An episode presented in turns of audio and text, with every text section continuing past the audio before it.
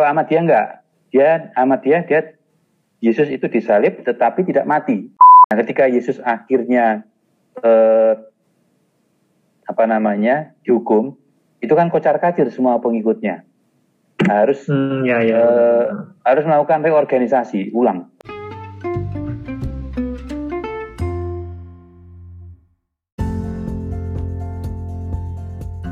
Nah hari ini masih sama Mas Daniel dengan rambut barunya.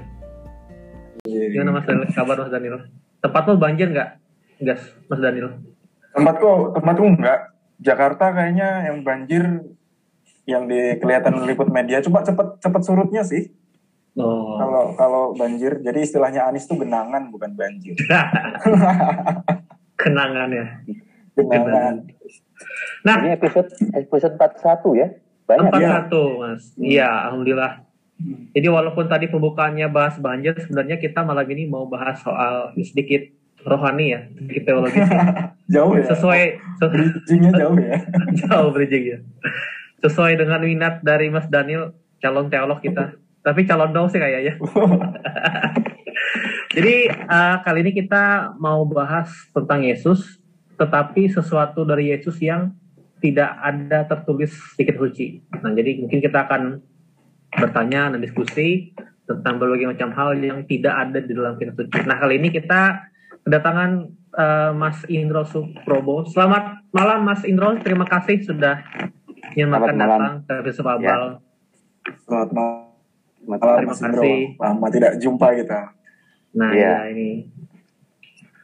Mas Indro mungkin boleh perkenalan ke teman-teman pendengar Yusuf Abal. Uh, beliau uh, jenengan kesibukannya apa sekarang terus mungkin kegiatannya apa? Silakan monggo Mas Indro. Oh ya baik. Baik selamat malam teman-teman semuanya. Saya Indro Suprobo ya. Uh, biasa dipanggil Indro atau Probo. Uh, sehari-hari saya lebih uh, aktif sebagai editor dan penerjemah buku yang uh, sehari-hari saya mengelola sebuah penerbitan ya bernama Resis Book. Itu penerbitan khusus untuk uh, ilmu-ilmu sosial kritis.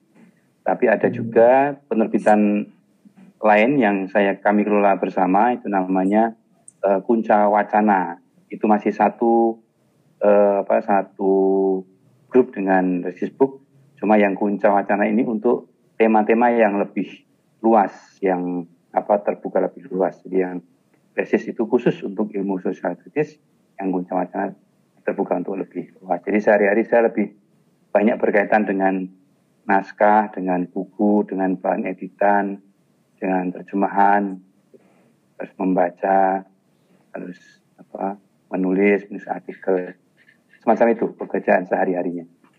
Berarti kalau dirangkum itu sebagai apa nih mas? Luas banget, editor juga, penulis juga, pengkaji juga loh, banyak banget mas ya. Ya, ya begitulah. Iya, memang akademisi sejati, akademisi sejati. Mas Indro, ngomongin tadi hmm. uh, sebutan mengenai kita mau ngomongin uh, Yesus atau Nabi Isa dalam dalam konteks yang lain yang tidak ditulis banyak dituliskan dalam hmm. kitab suci. Uh, Yesus itu kan bisa disebut sebagai nabi besar di perjanjian baru. Nah, hmm. Konteks perjanjian baru itu kan memperbarui perjanjian lama. Itu hmm. ada ada persoalan atau ada apa kenapa harus diperbarui dan itu disebutkan akan datang seorang juru selamat atau Mesias. Itu konteksnya hmm. gimana itu, Mas? Ya.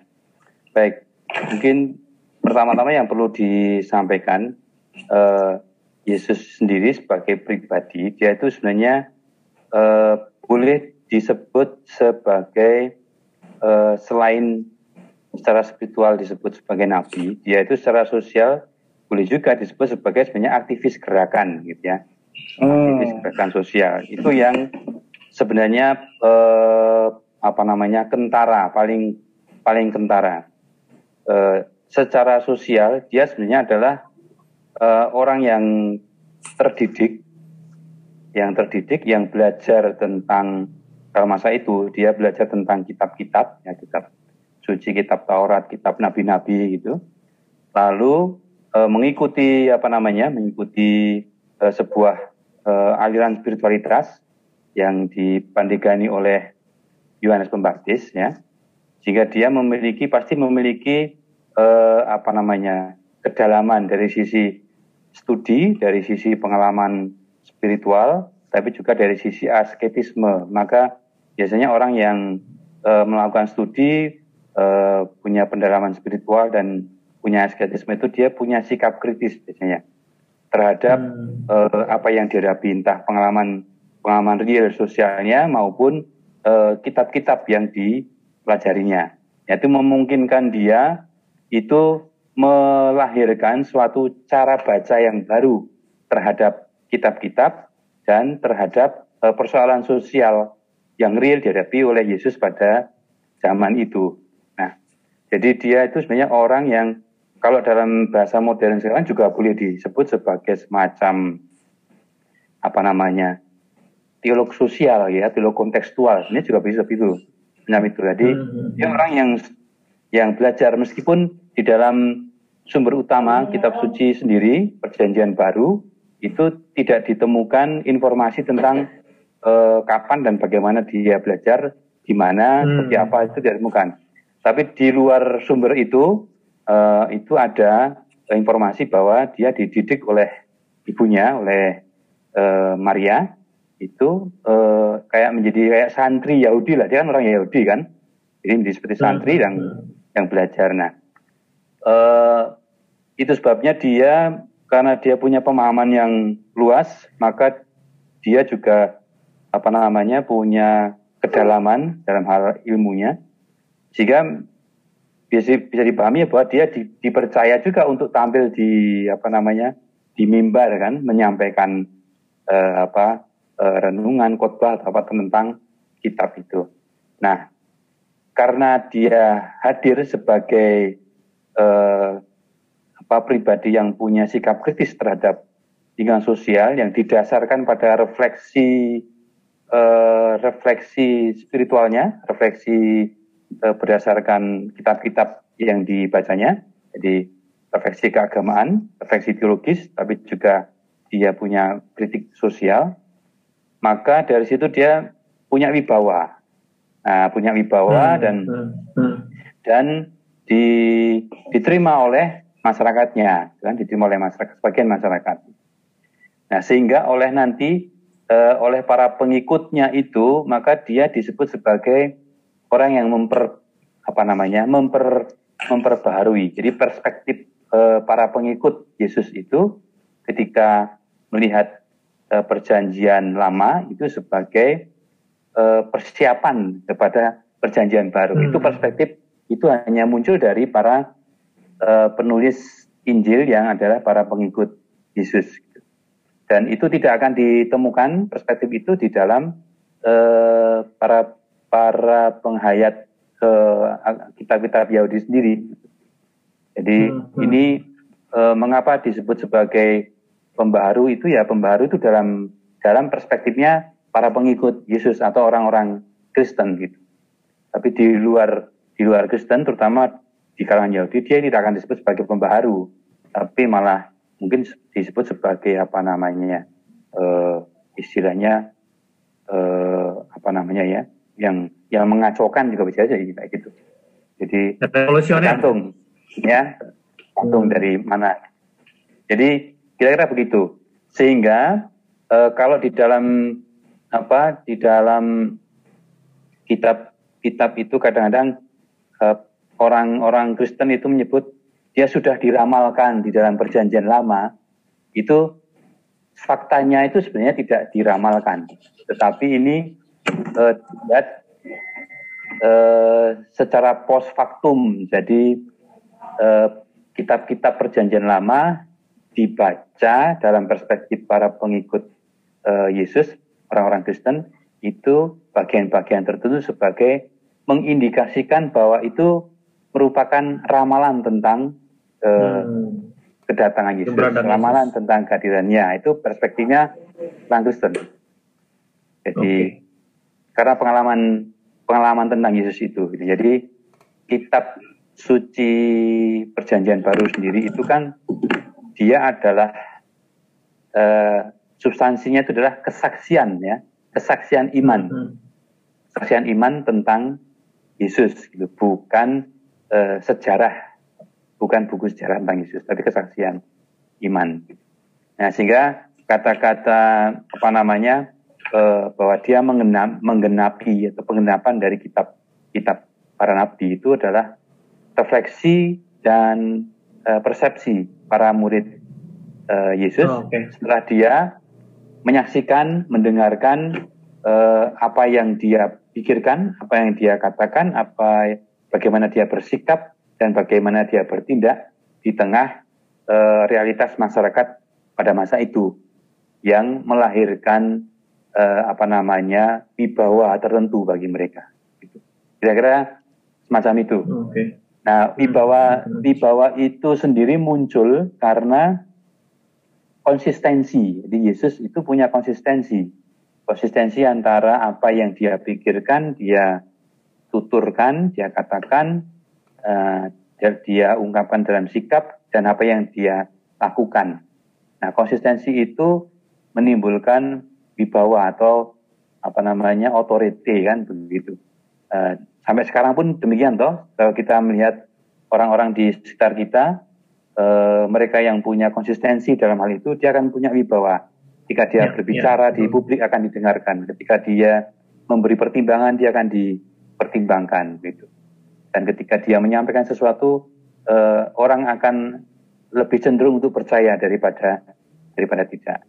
Itu karena konsistensi konsistensi itu. Di kira-kira semacam itu. Sehingga okay. dia disebut sebagai uh, penggenapan atas yeah, iya. namanya yeah. uh, kitab uh, kitab sebelumnya. Iya mas, ini mas sempat menceritakan ya kalau Yesus itu adalah orang yang punya pendalaman terhadap spiritual ya, dan dia juga yeah. pernah belajar dengan Yohanes Pembaptis. Tapi yeah. kalau di kitab suci itu kan ada kayak semacam missing link ya. Ini hmm. silakan Arat masih kalau misalnya salah. Hmm. Kan Yesus sejak ditemukan di bait Allah, kemudian tiba-tiba dia sudah jadi dewasa sekitar yeah. umur 30-an. Nah, itu ada juga saya tuh sempat dengar cerita itu katanya Yesus juga sempat melakukan perjalanan ke India juga ya buat belajar. Itu apakah ada penjelasan terkait itu? Oh, yang yang ke perjalanan ke India itu justru bukan bukan pada umur 12 sampai 30 tahun. Oh. Tapi itu, itu tetapi itu justru disampaikan ini ini disampaikan perspektif ini oleh teman-teman dari komunitas Ahmadiyah terutama. Oh, ya. Okay. Jadi Yesus ke India, bahkan ada bukunya, ada bukunya, judulnya Yesus in India, itu ditulis oleh Mirza Gulam Ahmad, itu sebagai pendiri Ahmadiyah, dan itu dilakukan oleh Yesus perjalanan ke India itu justru setelah peristiwa uh, hukuman salib. Oh. Macam itu. Tapi setelah bangkit berarti ya? Uh, kalau dalam perspektif uh, dalam oh, perspektif ya? Ahmadiyah, ya? Ahmadiyah, dia tidak bangkit karena tidak mati. Jadi disalib. Ya, gitu. uh Disalib. Kalau Ahmadiyah enggak, dia Ahmadiyah dia Yesus itu disalib tetapi tidak mati. Oh. Lalu dia di apa dirawat oleh Yusuf dari Arimatea selama tiga hari itu, lalu dia eh, dengan ramuan-ramuan itu lalu bisa sembuh karena dia hanya semacam apa sekarat gitu ya, tidak tidak wafat gitu. Karena diberi anggur asam ya yang berfungsi sebagai semacam obat bius pada masa itu. Hmm. Kira-kira semacam itu dan kakinya tidak dipatahkan sehingga memang tidak mati. Itu apa namanya proses metode penghukuman yang tidak dijalankan secara konsisten karena sudah buru-buru sudah menjelang hmm. jam 3 gitu. Nah, yang usia antara usia 12 sampai dengan 30 yang tidak terinformasikan di dalam uh, perjanjian baru itu justru di dalam sumber lain di luar itu diinformasikan itu sebagai masa oh. pendidikan pada umumnya orang yeah, pendidikan. Yeah, Jadi itu peran peran Maria ibunya itu yang sangat kuat mendidik dia. Jadi diikutkan eh, ke dalam apa namanya di dalam kayak semacam pengajian-pengajian Yahudi ya, pengajian kitab gitu, ikut ikut studi kitab-kitab gitu, membaca, mempelajari gitu kan. Eh, mungkin menghafal kayak gitu-gitu. Jadi hmm. uh, itu adalah masa studi, masa pendidikan, masa edukasi. Kalau saya lebih cenderung memahaminya seperti itu karena uh, tidak mungkin tanpa masa seperti itu tiba-tiba dia muncul dengan uh, apa namanya Wibawa kualitas ya, ya hmm. kualitas hmm. sebagai orang yang memahami kitab-kitab kan nggak mungkin. Jadi ya, pasti ada masa belajar nih ya. Ada masa belajar, pasti masa belajar. Hmm. Ya semacam mondok begitulah dalam bahasa apa namanya masa itu ya. Hmm. Pasti masa studi. Eh, itu tapi men menarik mas. Apa namanya? Uh, yang aku pikir selama ini tuh Yesus tuh pinternya tuh udah given gitu. Udah, itu benar-benar. Saya juga ya, pikir gitu. Udah dari awal, udah awal itu pinter gitu. Cerdas gitu ya karena Tuhan ya konsepnya iya benar ya. benar ya betul karena karena konsepnya konsepnya Yesus itu anak Tuhan gitu ternyata mm-hmm. Yesus itu bisa dimaknai juga dia itu seorang pembelajar juga ya. Dia belajar oh, iya. juga untuk untuk bisa iya. memahami teologi-teologi kayak betul. gitu ya. Betul. Jadi hmm. dia adalah pembelajar. Tidak mungkin lahir langsung memahami banyak hal tidak mungkin lah. Kamu jadi uh, iya, dia pasti dia pasti belajar secara manusia. Kalau dia sungguh-sungguh manusia kan sungguh-sungguh manusia itu artinya sungguh-sungguh lahir sebagai orang yang perlu belajar gitu. Jadi lahir juga lahir di dalam apa namanya konteks uh, belajar berbahasa belajar macam-macam lah semuanya begitu itu dan yeah, itu yeah. normal dilalui. Jadi tapi konsep uh, konsep missing itu ada ada dijelaskan mas dari uh, sudut pandang yang lain. Tadi kan misalnya dia melihat Yesus tidak wafat disalibkan. Nah, untuk mm -hmm. yang misil ini apakah ada perspektif dari tempat yang lain tuh? Saya belum penjelasannya. Belum menemukan yang lain kecuali yang studi itu. Hmm. Belum belum belum menemukan yang lain. Mungkin harus eksplorasi lagi. Tapi itu kan iya, masa-masa ya, ya, itu kan usia memang ya usia 12 sampai belajar. Memang usia hmm. itu kan ya di mana-mana kan ya begitu. Iya, kayak kita lah. ya. dan belajar itu bisa jadi gitu. bisa jadi dalam arti ada di tempat spesifik gitu tapi bisa jadi juga istilahnya eh, apa namanya eh, eh, ngenger ya ngenger tapi secara secara secara intelektual gitu ya kira-kira apa tuh ngenger mas ngenger itu eh, mengikuti tokoh tertentu atau oh. pendidik atau guru tertentu gitu kan uh, sambil belajar sambil hidup sambil belajar ya kira gitu. Oh.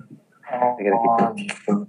Oh, gitu. Ya. Tapi Mas, uh, Yesus itu kan punya sebutan banyak nih beberapa yang kita hmm. yang kita tahu misalkan di di ajaran Kristen ya dia sebagai Tuhan hmm. gitu kan hmm. uh, terus di ajaran Islam dia sebagai Nabi Nabi Isa gitu hmm. kan hmm. nah uh, sebenarnya pemaknaan pemaknaan seperti ini itu bergantung bergantung apa mas? Apakah juga uh, nabi di kita itu maksa eh, hmm. eh, nabi di Kristen itu maknanya hmm. juga sama seperti di nabi di Islam gitu. Ini perbedaan ini juga maksudnya konteksnya apa saat itu mas? Ya mungkin ada perbe ada beberapa perbedaan kecil tapi Yesus sendiri dia punya punya banyak gelar ya punya banyak gelar dan gelar itu di diberikan itu oleh para muridnya. Jadi Yesus sendiri tidak menyebut, tidak pernah menyebut dirinya dengan gelar apa pun, tetapi eh, para muridnya kemudian itu yang menyebut dia dengan berbagai macam apa gelar. Jadi ada sebutan sebagai eh, Tuhan yang itu diterjemahkan dari Kyrios sebenarnya. Kyrios itu sebenarnya Tuhan ya, bukan bukan Tuhan dalam apa dengan H tapi Tuhan. Hmm. Nah, Kyrios itu kata bahasa Latinnya itu Dominus. Ya, Dominus itu Tuhan, Tuhan yang terhuruf Tuhan gitu. Jadi eh, bahasa Inggrisnya Lord. Ya. Hmm, ya, ya. Kyrie, Dominus, Lord itu sama. Dibedakan dengan Deus atau God. Jadi dibedakan. Jadi ini adalah sebenarnya itu gelar yang sangat manusiawi di dalam apa namanya di dalam konteks waktu itu uh, lalu Mesias ya yang di yang dijanjikan sebagai orang yang di yang diutus itu, yang diurapi. Itu semua diberikan oleh para muridnya setelah merefleksikan uh, Yesus itu siapa bagi mereka itu. Jadi oh ternyata Yesus itu berkesan karena karena wibawanya itu maka dia memberi kesan pada murid-muridnya sehingga eh, kesan itu bermacam-macam ada banyak sekali gelarnya itu. Nah salah satu juga adalah yang disebut sebagai anak apa anak Allah gitu ya anak Allah. Nah gelar gelar anak itulah yang juga dia me, apa namanya ini sebenarnya yang secara secara sosiokultural dan e, spiritual itu yang paling subversif pada masa itu. Karena hmm. apa? Karena ada dua hal. Jadi pertama e, gelar anak itu terkait dengan apa yang disampaikan oleh Yesus konsepsi tentang Allah sebagai Bapa. Gitu. Nah, konsepsi Allah sebagai Bapa, Bapa semua orang itu dia Bapa yang mengasihi dan mengampuni semua orang, lalu semua anak adalah anak-anaknya. Itu sebuah konsepsi yang eh, implikasinya itu soal kesetaraan semua manusia. Hmm, Jadi hmm, hmm. ketika Allah adalah Bapa dan manusia adalah anak-anaknya, maka semuanya itu setara di hadapan Bapak itu. Nah, konsep setara ini ini mengakibatkan eh, semua bentuk ketidaksetaraan dan ketidakadilan di dalam masyarakat itu merupakan sesuatu yang bertentangan dengan eh, apa yang dikendaki oleh Bapak. Nah, ini yang menjadi landasan eh, apa namanya landasan paling fundamental bagi Yesus itu untuk melakukan pembelaan-pembelaan dan eh, apa eh, istilahnya eh, keperpihakan dia ya kepada mereka yang disebut sebagai mereka yang dipinggirkan, yang ditindas macam itu. Karena apa? Hmm. Dasarnya semua itu adalah anak-anak yang dikasihi dan diampuni oleh Bapa. Nah, hmm. itu secara secara uh, sosial dan politik itu punya implikasi, maka disebut sebagai subversif. Karena apa? Hmm. Karena itu mengguncang eh, tatanan status quo yang ada pada masa itu. Hmm. Karena terjadi ketidakadilan karena masyarakat waktu itu kan itu kan masyarakat terjajah ya terjajah hmm. dijajah hmm. dan jajahan Roma kan lalu masyarakatnya sendiri eh, ter apa namanya terdiri dari lapisan-lapisan. Ada kelompok elit ya ada elit yang punya banyak akses ke hmm. eh, ekonomi politik dan semuanya kan. Lalu ada kelompok pekerja dan masih ada kelompok yang kelompok-kelompok budak semacam itu. Nah eh, tatanan itu lalu ter terkritik terguncang oleh konsepsi yang disampaikan oleh Yesus itu. Nah itu secara secara sosial, ekonomi, politik punya implikasi yang yang berat sehingga Yesus memang lalu menjadi orang yang disebut sebagai pengacau. Itu karena karena itu. Hmm. Nah, secara uh, teologis uh, konsepsi tentang relasi antara Bapa dan anak jadi relasi Tuhan dan manusia sebagai Bapa dan anak itu itu waktu itu tidak kompatibel dengan konsepsi eh, teologis masyarakat Yahudi pada masa itu sehingga bahwa Tuhan itu harus harus eh, sangat terbedakan jauh itu. Jadi sesuatu yang dekat semacam itu eh, itu eh, apa namanya tidak kompatibel dengan eh, konsepsi itu dan tabu eh, ya. Ya, jadi tabu ya gitu. Maka hmm. dia disebut menghujat itu konsep yang menurut saya konsep yang yang dasar yang yang sentral ya Allah sebagai Bapa dan manusia sebagai anak jadi bahkan bukan hanya dia sendiri tapi semua manusia adalah anak hmm. adalah anak-anak Bapa itu kan hmm. uh, sesuatu yang apa radikal dalam arti uh, mendasar gitu ya iya. membuat perubahan yang mendasar kira-kira itu itu yes. yang apa Hmm. Jadi apakah karena keradikalan atau mungkin kita sebutnya indie kali ya berbedanya dibanding ajaran sebelumnya makanya Yesus bisa lebih diterima masyarakat ya mas dalam ini tidak semua ya, masyarakat ya tidak semua pasti seperti itu? yang menerima itu adalah mereka yang selama ini selama ini mengalami apa penindasan, mengalami ketidakadilan. Ya, ya, ya. Nah, ketika bertemu dengan Yesus yang kok cara berpikirnya berbeda, sikapnya berbeda, dan hmm. tindakannya berbeda dalam relasi apa manusia itu sangat berbeda, itu kan jadi menimbulkan apa namanya eh, eh, ketertarikan tersendiri. Oh ini orang ini kok berbeda, dasarnya apa? Lalu hmm. ketika dia menyampaikan dasarnya itu, lalu nah itu semakin membuat orang jadi tertarik. Maka Menarik, pengikutnya pengikutnya semakin semakin banyak gitu, baik dari hmm. kalangan apa namanya kalangan ekonomi bawah maupun dari eh, sebagian kalangan atas juga ada gitu. Seperti okay. Petrus itu, Petrus itu eh, kenapa akhirnya oh. dia menjadi pemimpin eh, sesudah itu ya? Hmm. Karena dia itu sebenarnya orang yang kalau zaman sekarang boleh dikatakan sebagai yang memiliki kelengkapan modal, modalitas. Jadi dia hmm. modal ekonomi, modal sosial, modal budaya itu dia lengkap gitu. Jadi Petrus itu menurut kajian interdisipliner yang didokumentasikan oleh BBC itu dia memiliki rumah yang pada masa itu di dalamnya lengkap dengan kolam renang. Dia sendiri adalah seorang eh, apa nih pengusaha perahu. Nah, jadi okay, okay. Ya, jadi lihat kan bahwa dia uh, mungkin dia juga semacam penyandang dana untuk gerakan Yesus ini. Jadi macam itu, dia donatur utama juga gitu. Maka okay. sangat dimungkinkan dia punya punya apa namanya punya peluang yang yang besar, besar jadi pemimpin ya karena karena mungkin karena semua aksesnya terbuka dia jadi tenang jadi punya uh, bisa mengambil keputusan hmm. banyak dan itu akhirnya ya ya udah itu jadi manusiawi kan eh, apa namanya ya, dia menjadi pilihan yang pemimpin. rasional ya. Ya. Hmm. Tidak semuanya berasal dari apa dari Tuhan. Oh ini Petrus ini nah, gitu. Oh gitu ya.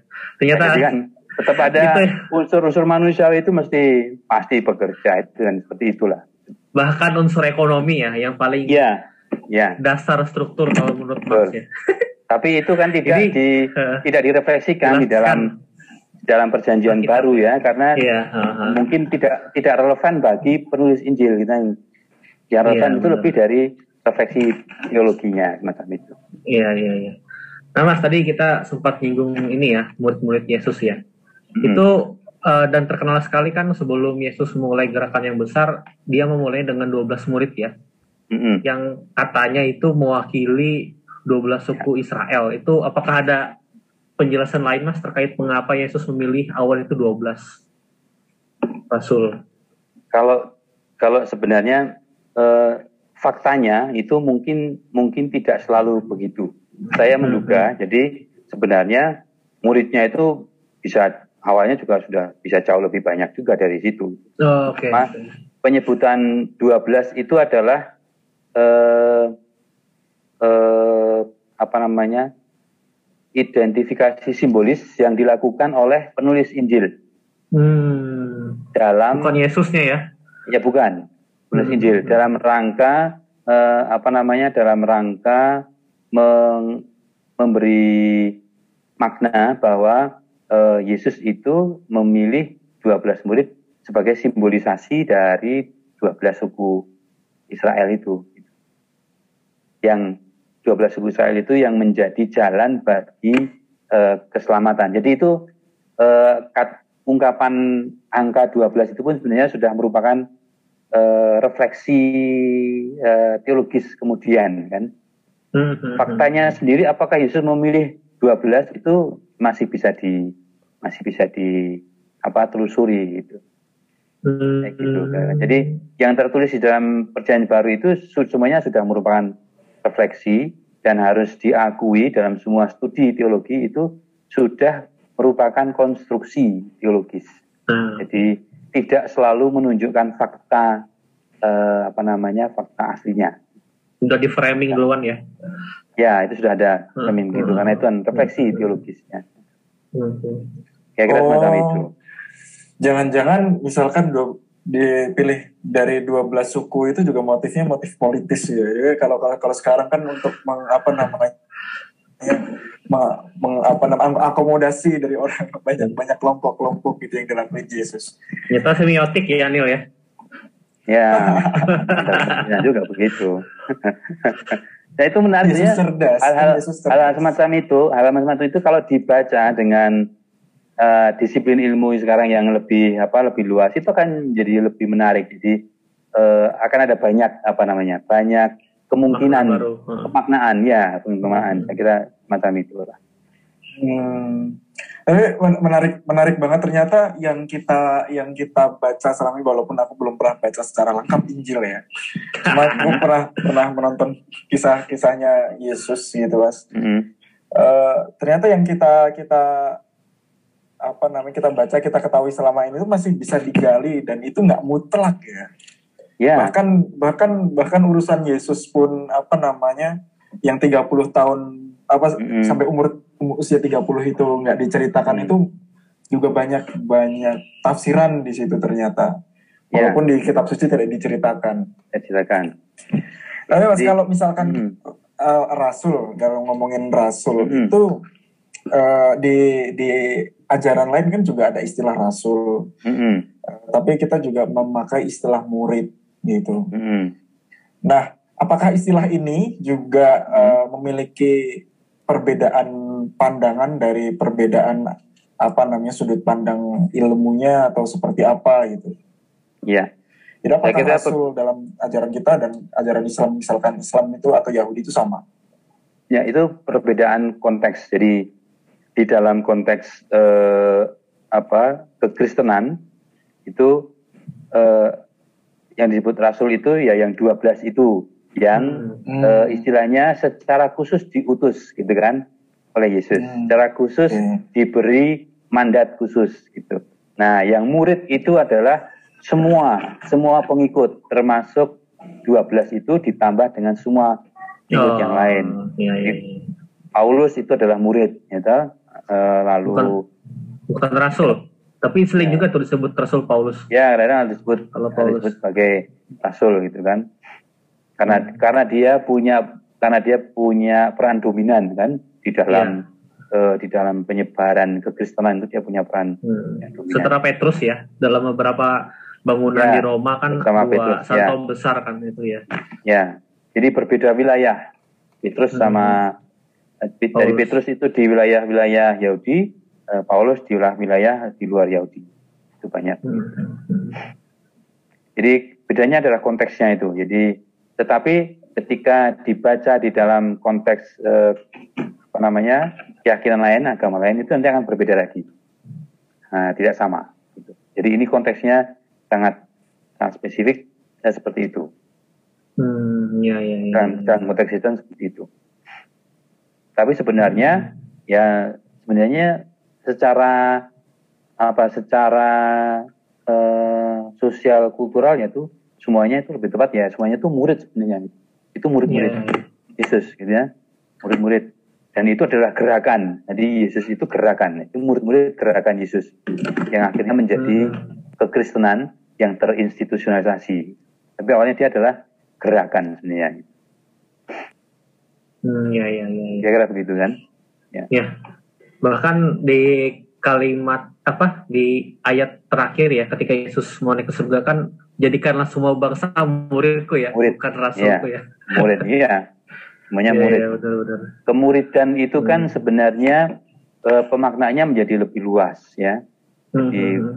uh, yang namanya murid itu ya, unsur yang paling dasar itu kan belajar jadi hmm. uh, dia akan menjadi orang yang uh, selalu belajar tentang nilai, tentang hidup, uh, tentang uh, semua yang bisa dipelajari, sama seperti gurumu juga uh, belajar kayak gitu. Dan hmm. terus menerus apa namanya uh, melakukan sesuatu dari proses proses belajar itu. Saya kira itu itu menjadi apa namanya menjadi istilah yang yang penting itu menjadi murid. Menjadi murid dan menjadi murid itu tidak selalu tidak selalu berarti secara apa formal institusional gitu kan? Harus hmm, menjadi hmm, hmm. ya nah itu kan bisa jadi uh, murid juga apa namanya uh, jarak jauh gitu kan? Apalagi dunia dunia virtual sekarang ini uh, menjadi student itu tidak harus ikut jadi mahasiswa di mana tapi bisa lewat YouTube uh, sambil melakukan apa dia tetap bisa belajar tentang materi tentu nah, hmm, gitu. itu semangat muridnya itu tetap di, dijalankan hmm. kalau kalau Yesus hidup di zaman sekarang apa perlu dia merasa perlu untuk jalan-jalan ya perlu cukup nyebarin konten Oke, okay, karena karena efeknya ya. lebih lebih luas gitu kan. Ya. Tapi memang apa yang disebut sebagai uh, komunitas offline ya, itu perjumpaan offline itu juga anu, itu juga punya dampak yang berbeda gitu kan. Oh, okay. Punya dampak yang berbeda. Karena di situ ada ada relasi langsung yang uh, respon-responnya itu bisa langsung di apa namanya ditangkap dirasakan dan ya. dirasakan dan bisa langsung uh, direspon baik gitu yang tidak terjadi ketika modelnya uh, virtual jadi ya, ya, ya, ya. ya kan orang orang me, me, menyampaikan materi secara virtual dengan orang menyampaikan materi secara apa luring itu itu kan bedanya uh, sambil tetap bisa yang luring itu dia tetap bisa mendeteksi membaca respon-respon uh, audiens yeah. secara langsung dan itu berpengaruh resiprok terhadap bagaimana cara dia yeah. akan menyampaikan. Hmm. Nah itu tidak ya, terjadi di ya. dalam yang virtual kan, karena tidak yeah, bisa dibaca, hmm. tidak dibaca. Nah itu juga dialami dialami Yesus ketika banyak penolakan gitu kan dari misalkan dari ahli-ahli Taurat waktu itu kan mas, hmm. dari ahli-ahli Taurat itu ditolak bahkan mungkin sampai sekarang pun banyak yang uh, masih mempertentangkan gitu kan karena perbedaan-perbedaan itu tadi itu kan. Hmm. Nah, uh, bagaimana konteksnya waktu waktu itu Yesus itu begitu berani padahal banyak eh, banyak sekali yang menentang dia gitu Mas. Dan itu kan murid-muridnya juga melihat kan wah ya. apa namanya guruku aja banyak ditentang gimana nanti aku menyebarkan gitu nah apa yang membuat sosok Yesus dan murid apa rasul-rasul itu berani untuk menyebarkan apa menjadi keyakinannya saat itu ya yang paling utama sebenarnya pada saat Yesus masih hidup itu semua sangat tergantung kepada uh, komitmen komitmen dan konsistensi Yesus ya sebagai hmm, hmm, pribadi hmm. jadi uh, saya lebih banyak melihat dia sebagai uh, pribadi manusia yang dengan apa dengan uh, kedalaman sikap kritis dan apa namanya dan komitmen yang yang kuat terhadap kemanusiaan. Nah, uh, ketika dia masih hidup itu dia menunjukkan menunjukkan konsistensi itu dan dia punya punya wibawa. Nah, yang paling pokok sebenarnya Yesus sendiri punya komitmen yang yang kuat ya jadi dia dia merefleksikan kitab-kitab lalu melihat eh, apa eh, bagaimana eh, praksis hidup masyarakat itu. Jadi hmm. kalau dalam bahasa sekarang sekali lagi saya mengatakannya sebagai semacam kalau dia kita umpamakan sebagai semacam teolog sosial gitu ya, teolog hmm, tekstual. Yeah. Kita melihat saya sudah belajar apa kitab-kitab dan substansi yang disampaikan itu uh, adalah ini gitu kan soal keadilan soal hmm, kesetaraan hmm. soal uh, kasih sayang pengampunan sebagainya hmm, tapi dalam praksis ini ternyata ada begitu banyak uh, ketimpangan yang terjadi dan dia uh, gelisah mengapa gelisah? Karena ya dia orang spiritual kan? Ya tidak bisa melihat uh, sesuatu yang tidak konsisten gitu. Nah sehingga kegelisahan itu membuat dia ya ini konsistensi ini harus ditegakkan. Jadi eh, kalau dalam apa namanya bahasa sosialnya ya ketidakadilnya ketimpangannya ini harus diselesaikan supaya masyarakat itu berada dalam kondisi yang ideal. Tapi secara spiritual itu dirumuskan secara spiritual teologis dirumuskan sebagai kondisi ini tidak sesuai dengan rencana keselamatan sehingga dia harus di eh, apa namanya diinovasi gitu diinovasi harus di rekonstruksi harus diperbaiki supaya menjadi e, menjadi lebih selamat. Gitu.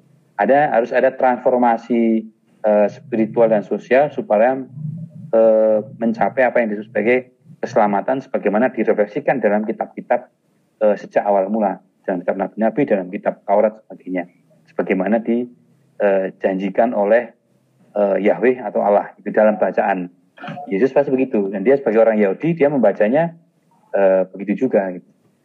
Nah itu yang menjadi landasan kenapa uh, dia bertahan dan dia mengambil berani mengambil uh, resiko. Saya kira itu pertimbangan-pertimbangan bagi dia uh, seperti yang dikatakan me, melaksanakan kehendak Allah itu lebih utama daripada uh, apa namanya uh, ber, menyeru, menyeru nama Tuhan gitu kan. Dia melaksanakan kehendaknya. Nah, melaksanakan kehendaknya itu adalah bagi dia mewujudkan itu tadi uh, konsistensi antara nilai yang ada di dalam kitab-kitab uh, dan para nabi dengan uh, praksis hidup saat ini. Kira-kira itu itu yang membuat dia uh, menjadi landasan itu. Nah, ketika Yesus akhirnya uh, apa namanya dihukum, itu kan kocar kacir semua pengikutnya harus hmm, ya, ya. Uh, harus melakukan reorganisasi ulang, toh harus melakukan refleksi lagi itu dan uh, apa namanya uh, itu betul-betul betul-betul kacau itu karena uh, yang dihadapi kan uh, sesuatu yang yang sangat uh, boleh dikatakan besar. sangat, sangat besar hmm. dan dalam bahasa hmm. hukum itu sangat brutal ya kan jadi hmm. nah itu kocar kacir lalu bisa di bisa dimaklumi kalau orang mencoba pada masa itu bagaimana mencari keselamatan sendiri-sendiri itu bisa di, dimengerti jadi ya, ada masa yang ya. betul-betul, hmm. betul-betul kacau gitu hmm. tapi setelah itu kan pelan-pelan eh, komunikasi dijalin lagi bawah tanah gitu kan lalu ada Eh, pergerakan-pergerakan lagi, ada pertemuan-pertemuan lagi, kumpul lagi, diskusi lagi, kira-kira itulah kalau orang-orang gerakan ya. Hmm. mulai kumpul ya, lagi, ya. mulai menyusun lagi apa namanya itu, lalu Strategi. merefleksikan merefleksikan ulang lagi eh, kenapa dulu eh, sampai akhirnya gerakan ini berjalan gitu kan. Lalu hmm. ketika sekarang ketika sekarang ini sudah tidak ada lagi pemimpin yang adalah pemimpin yang yang tersisa itu lalu harus bagaimana?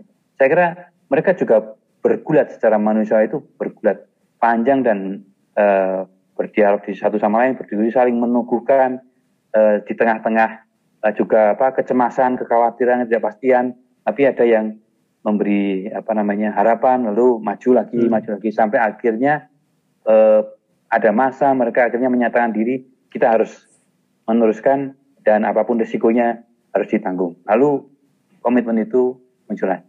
Nah yang itu dalam refleksi kitab suci disebut sebagai eh, pengalaman apa itu eh, turunnya Roh Kudus itu ya Pentakosta ya? itu hmm. Pentakosta itu sebenarnya eh, kembalinya eh, komitmen awal dan eh, keyakinan dasar untuk eh, melanjutkan apa yang sudah dilakukan dalam gerakan-gerakan awal kira-kira semacam itu. Hmm. Iya, iya, iya. Mas, ke kekristenan sekarang kan juga mengenal istilah apa namanya sola scriptura ya, yang kita bersumber dari Alkitab gitu bahwa hmm. Alkitab lah yang yang jadi sumber kebenaran. Hmm. Nah ini ya jadi itu kan uh, artinya apa yang tertulis yang itulah yang kita pahami gitu kan. Apakah apakah pandangan seperti ini membuat uh, orang itu jadi sekarang itu memahami kitab suci itu saklek. Jadi nggak bisa memahami konteks-konteks yang yang eksploratif kayak yang kita diskusiin sekarang gitu. Kan ini hmm. juga maksudnya juga juga penting juga untuk kita diskusikan untuk kita ketahui gitu kan biar kita paham yeah. tahu tahu yeah. si suasananya waktu itu kan gitu. Itu yeah. apakah seperti itu Mas? Apa jadi bikin orang saklek?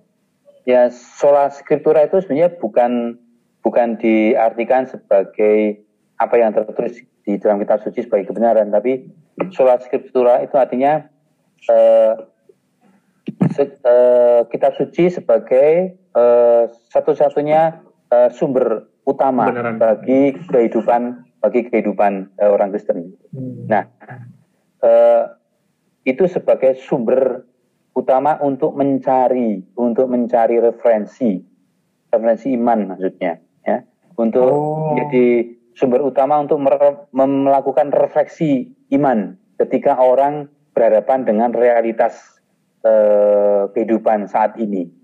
Jadi pertama-tama harus kembali pada kitab suci apa yang apa yang ter tersurat dan apa yang tersirat ah, dan apa yang tersembunyi di dalam kitab suci itu itu yang harus digali. Gitu. Jadi pertama-tama hmm. orang harus menggali segala sesuatu yang mungkin digali dari kitab suci. Itu pertama-tama. Setelah itu baru dari luar kitab suci, dari selain kitab suci. Jadi sola scriptura itu artinya eh, pertama-tama ketika orang melakukan refleksi teologi itu pertama-tama harus menggali segala hal yang bisa digali dari kitab suci kayak gitu.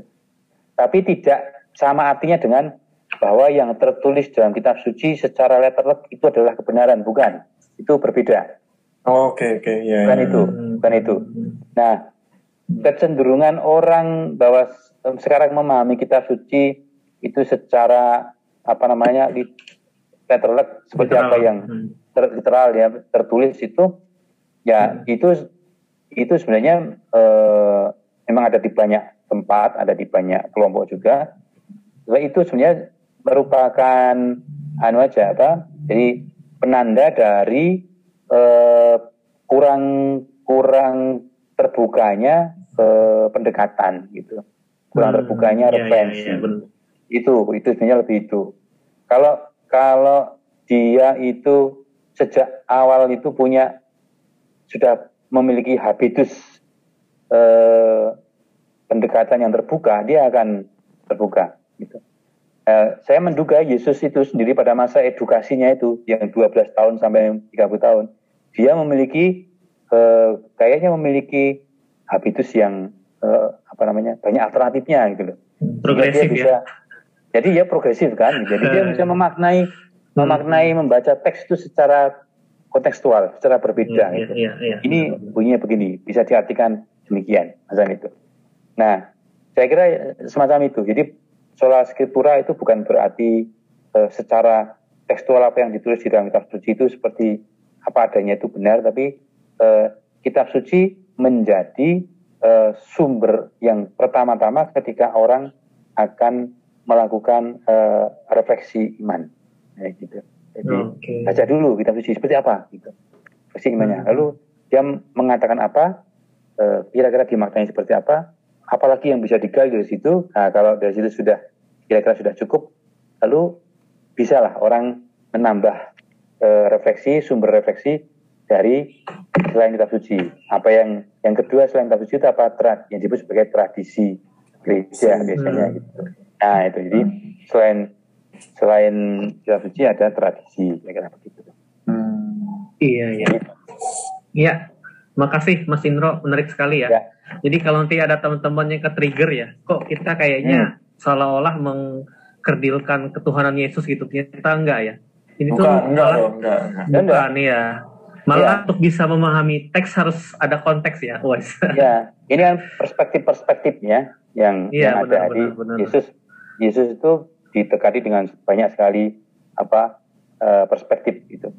Jadi ya, ya. Uh, keilahiannya itu ada di mana? Keilahiannya itu ada justru ada di dalam di puncak puncak kemanusiaan dia dan uh, oh. hormat dia terhadap kemanusiaan itu itu ter, cerminan atau pancaran dari sifat ilahi. Ya? Karena ya, itu tadi konsisten dengan yang Bapa itu Bapa sebagai Allah, Bapa sebagai yang ilahi itu mengasihi manusia dan mengampuni manusia apa adanya tanpa pandang bulu siapa pun dia. Iya. Nah, okay. itu kan ciri keilahian yang yang apa namanya yang dirumuskan oleh Yesus dan dia menjalankannya, ya kan? Di iya. dalam praksis sosial. Praksisnya sangat hmm. sosial, hmm. eh, apa namanya, eh, seluruh tindakannya sangat manusiawi, tapi itu adalah eh, cerminan dari eh, apa yang dihayatinya sebagai bagian dari keilahian apa saya kira ya. itu itu itu Makasih Mas Indro bagi ya. saya pribadi ini diskusi yang ya. mewah ya. Jadi jadi nggak ya. harus seminari ya Nil ya. ya. Untuk belajar teologi kayak gini kan teologi sekali ya. Jadi kalau gereja kan kita nggak akan dapat di penjelasan seperti ini. Terima kasih sekali lagi Mas Indro, Mas Dari sudah main ke podcast kita. Ya. Mas